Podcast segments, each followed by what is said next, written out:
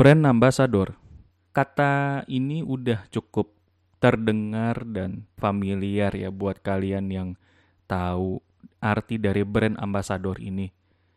Ya intinya sih kayak orang yang membawa pencitraan untuk merek dagang, untuk perusahaan ataupun untuk organisasi yang dia memiliki visi dan misinya sendiri.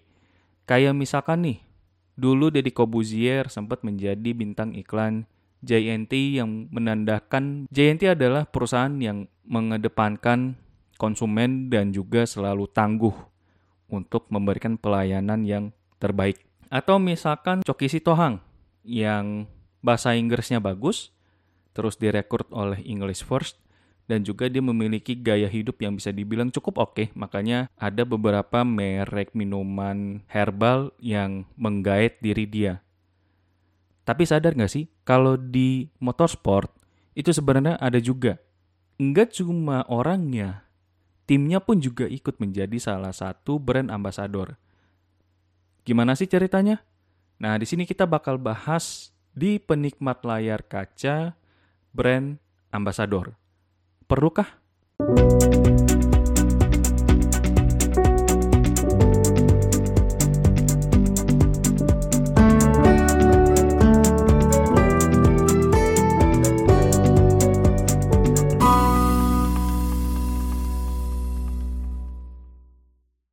Brand ambassador sepertinya udah menjadi sebuah tren atau bahkan viral yang cukup dikenal oleh masyarakat banyak. Seperti yang tadi gue bilang, kayak Coki Sitohang, Deddy Kobuzier, atau beberapa atlet yang bisa dibilang cukup meramaikan televisi dan juga media streaming untuk menggait para penonton yang bisa jadi menjadi sebuah konsumen atau bisa dibilang customer ya, customer yang loyal terhadap sebuah merek, perusahaan atau organisasi. Kita ambil contoh misalkan Messi. Messi adalah atlet sukses yang membawa banyak sponsorship. Kayak misalkan Adidas.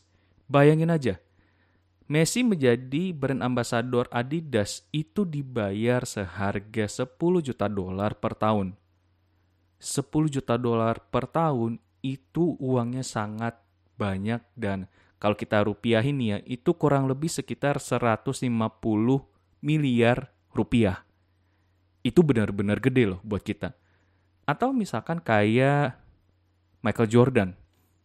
Michael Jordan ini memang pemain basket yang luar biasa pada zamannya dan sekarang pun dia menjadi legenda hidup dan membuat sebuah gebrakan juga termasuk Air Jordan yang meskipun memang ada isu gitu ya, tapi dia menjadi sebuah brand image yang luar biasa untuk basket Amerika Serikat. Apalagi kalau bukan NBA. Jadi banyak bintang-bintang dunia dari seluruh bidang termasuk olahraga itu menjadi brand ambassador dan bahkan bisa menghasilkan uang. Tapi bagaimana dengan motorsport? Nah, motorsport ini bisa dibilang cukup unik karena untuk menjadi brand ambassador sebenarnya nggak perlu dibayar. Kenapa? Karena ada beberapa trik yang bahkan orang yang berada di dalam tim itu harus membayar untuk menjadi brand ambassador. Valentino Rossi merupakan salah satu contoh yang bisa kita diskusikan. Valentino Rossi ini adalah pemilik tujuh gelar juara dunia MotoGP yang pastinya kita udah tahu dong dari tahun 96 sampai dengan tahun 2011 atau 2012 performa dia tuh emang luar biasa. Gimana enggak? Dari zamannya Nicky Hayden, terus juga Casey Stoner, bahkan Mark Marquez pun itu dia masih bisa kasih perlawanan. Ini memang luar biasa nih tokoh. Makanya nggak heran Dorna Sport selaku selaku penyelenggara MotoGP itu memberikan tanda Hall of Fame kepada Valentino Rossi karena dedikasinya yang luar biasa dari tahun 1996. Sekarang Valentino Rossi ini udah menjajal salah satu balapan yang bisa dibilang cukup prestisius ya di Grand Touring, yakni GT World Challenge di Eropa. Kenapa begitu? Karena bayangin aja, Valentino Rossi ini memberikan angka penonton yang cukup signifikan ya. Kenapa? Karena dari yang awalnya sekitaran 1000 penonton di YouTube itu bisa meningkat empat kali lipat. Ini luar biasa. Jadi bayangin aja fans-fans yang dulunya adalah penggemar berat Valentino Rossi, itu sekalinya ada tanda bahwa si pemilik nomor 46 ini bakal gabung ke tim WRT, salah satu tim yang meramaikan WEC dan juga GT World Challenge. Ini tentunya menjadi tanda yang sangat positif untuk SRO Motorsport selaku penyelenggara GT World Challenge. Lalu ada juga beberapa bintang yang bisa dibilang cukup unik. Kita ambil contoh Michael Schumacher yang memang bisa dibilang ini fenomenal. Selain dari kontroversinya pada saat dia menjuarai F1 di tahun 94 dan 95, dia pun juga menjadi salah satu pebalap Ferrari yang paling sukses untuk era modern. Gimana enggak? Di tahun 2000 sampai 2004, Secara beruntun dia menjadi pemilik gelar juara dunia. Ini luar biasa loh, lima kali gelar juara dunia bersama Ferrari. Yang kalau kita tahu ya, Fernando Alonso itu belum bisa. Sebastian Vettel itu juga sama. Bahkan Felipe Massa yang seharusnya dia bisa juara dunia malah di cancel sama Lewis Hamilton ini memang sangat luar biasa. Memang betul ada penerus dari Ferrari yang menjadi juara dunia, yakni Kimi Raikkonen di tahun 2007. Masalahnya, di saat tahun itu, seharusnya yang menjadi juara adalah antara Fernando Alonso atau Lewis Hamilton pada saat mereka membawa nama McLaren. Yang sayangnya, McLaren harus di blacklist oleh FIA karena ada pelanggaran yang tentunya menyebabkan mereka ya harus di blacklist. Selain F1, ada juga beberapa motorsport yang bisa dibilang memberikan cara unik untuk menjadikan brand dia bahkan sebagai brand ambassador. Kita ambil contoh misalkan Nissan. Nissan ini cukup unik pada tahun 2008 sampai dengan 2018. Jadi 10 tahun itu lumayan lama ya untuk Nissan melakukan sebuah inovasi. Inovasi apa itu? Jadi bayangin ada seorang Nissan Global Leader namanya Darren Cox pada saat itu. Dia membuat sebuah program yang menurut gue ini cukup revolusioner.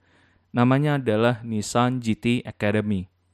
Ya, Nissan GT Academy ini adalah sebuah program yang menarik beberapa gamer yang nantinya bakal diadu dalam sebuah kompetisi balap milik Nissan yang nantinya di kompetisi ini bakal mencari talenta atau bakat untuk menjadi seorang race driver atau menjadi seorang pebalap. Nah, nantinya pebalap ini akan balapan di race yang bisa dibilang cukup unik. Kayak misalkan nih, Dubai 12 jam, Bathurst 12 jam, atau di ketahanan 24 jam kayak Spa-Francorchamps atau bahkan mengikuti series GT3 kayak Blancpain GT Series atau sekarang yang kita kenal sebagai GT World Challenge. Gak sampai cuma di situ, Darren Cox juga bekerja sama dengan YouTube untuk membuat sebuah channel yang bisa dibilang ini unik. Kenapa? Karena ini menjadi jendela untuk memperkenalkan Super GT yakni Nismo TV. Nismo TV ini bisa dibilang membawa revolusi baru dalam menonton balapan. Gimana enggak? Kita yang biasanya bayar untuk menonton balapan, ini nonton gratis di YouTube. Ya memang kita harus bayar kuota, betul. Tapi seenggaknya kita nggak perlu bayar lebih untuk menonton secara gratis di YouTube. Jadi, kalian bayangin deh, ini adalah sebuah acara balap yang kalau kita tahu balapan itu enggak gratis, bayar, dan bahkan jauh lebih mahal dibandingin kita masuk ke dalam SSB atau masuk ke dalam PB untuk bulu tangkis. Tapi Nismo atau Nissan di bawah naungan Darren Cox membuat channel namanya Nismo TV yang bekerja sama dengan YouTube. Ini sangat-sangat revolusioner. Makanya GT World tuh jadi kebagian untungnya dengan Nismo TV. Nah, GT World ini siapa? Nah, GT World ini adalah mereka yang menayangkan GT World Challenge atau yang dulunya disebut Belongpan GT Series yang dimiliki oleh SRO Motorsport. Nah, jadi kita bisa kebayang ya kalau brand ambassador ini memang menjadi salah satu tren yang bahkan di bidang motorsport itu pasti ada. Tapi kebayang nggak sih kalau di motorsport itu sebenarnya nggak perlu bayar duit lebih untuk mendatangkan brand ambassador. Kita ambil contoh dari F1 sekali lagi ya. Tapi ini memang banyak banget sih sebenarnya kalau kita mau ceritain tentang gimana sih caranya Liberty Media menyajikan sebuah entertainment di dalam motorsport. Gimana enggak? Entertainment yang mereka kasih tuh emang luar biasa dan bahkan sebenarnya tuh mereka udah nyicipin elemen dari brand ambasadornya. Kita coba lihat dari Drive to Survive.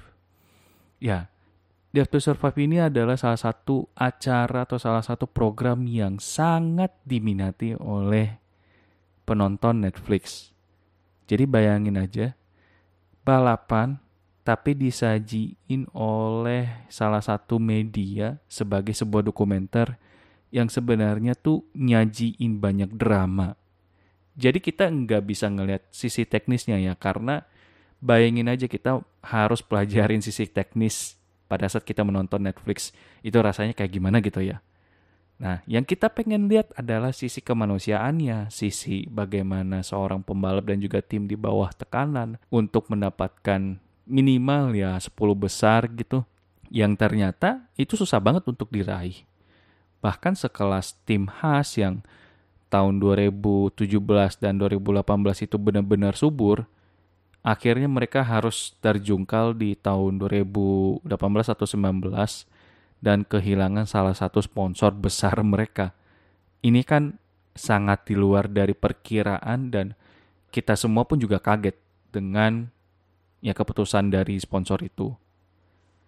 Selain dari Drive to Survive, F1 juga menyajikan sebuah program yang sebenarnya ini adalah program dari mereka sendiri, yakni Great the Grill.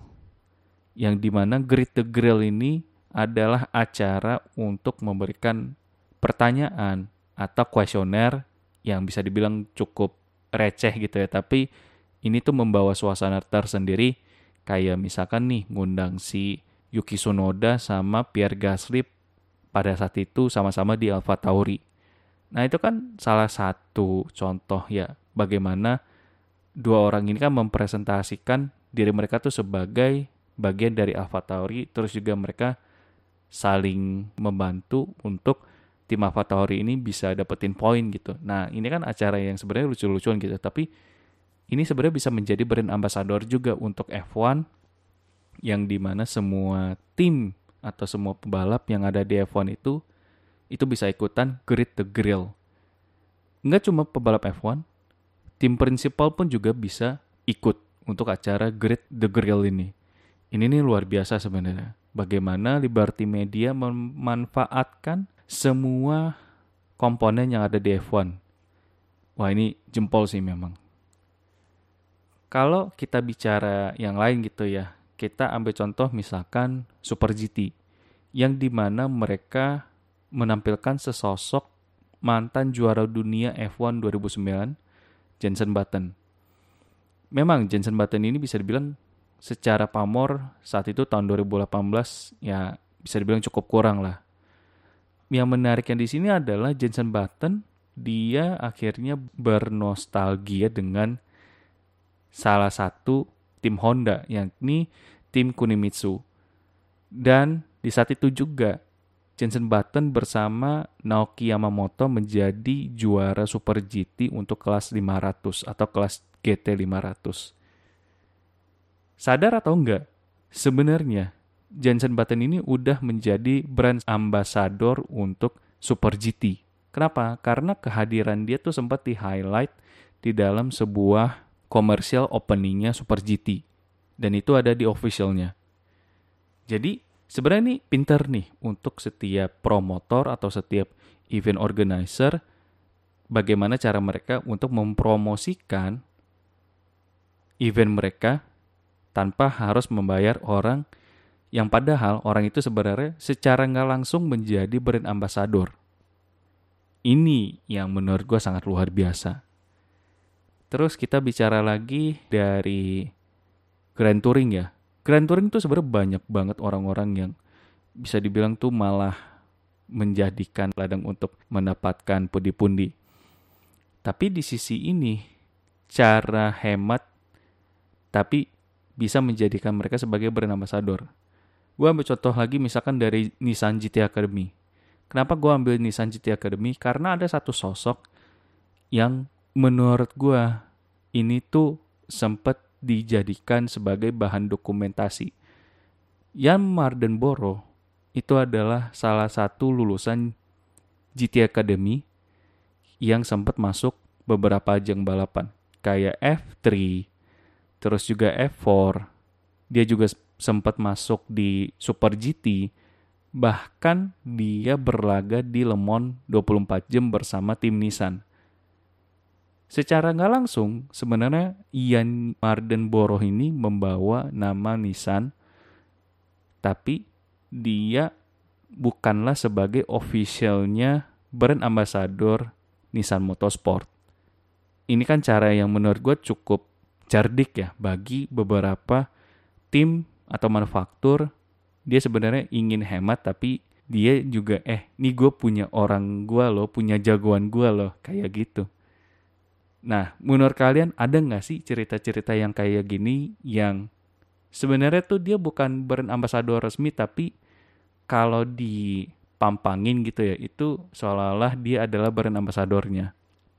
Kalian bisa tulis di kolom komentar di platform kesayangan kalian dan juga ini menjadi sesuatu yang unik ya menurut gue karena brand ambassador tuh ternyata banyak macamnya. Oke itu aja dari gue. Kalau kalian mau dengerin penikmat layar kaca, kalian bisa banget dengerin di platform podcast kesayangan kalian.